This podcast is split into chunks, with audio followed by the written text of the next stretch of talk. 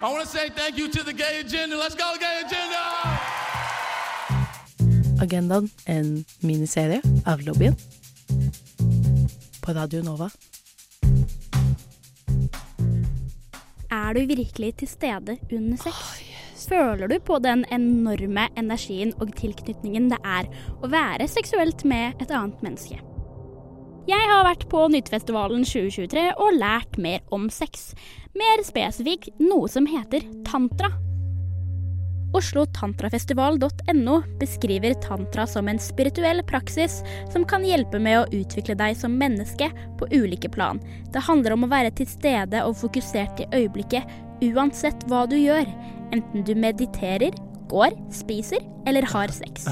Jeg har tatt en prat med tantralærer Elin Enger. Hva er tantra? De kan forstå det som å veve sammen motsetninger, veve sammen sammenhenger, veve sammen maskulin og feminin energi, det ytre og det indre livet. Og fordi tantra også er en vei som også handler om det fysiske, og ikke tabubelegger eller skambelegger kroppen, så er seksualiteten også en del av det. Og mange opplever også at det kan heve kvaliteten på seksualiteten til et nytt nivå. Tantra er jo ikke bare en måte å ha sex på. Det er en måte man kan leve på, og dette kan jo hjelpe deg med å oppnå høyere seksuell nytelse og kjærlighet. Ja, altså denne uh, livsfilosofien den, den, byr på helt konkrete måter å praktisere på. Meditasjoner, pusteøvelser, måter å dele, måter å forholde seg til livet på, og forholde seg til seg sjøl på. Du puster inn.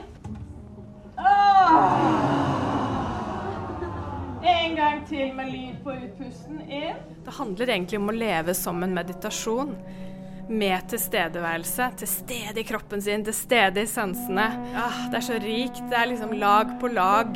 Eller uh, lag som du fjerner fra løken for å komme nærmere din egen essens og kjærlighet. The ministry has the pleasure to co-host this event with Lobbyen at Radio Nova. Well, thank you very much. I, I much appreciate this. Thank you for your attention.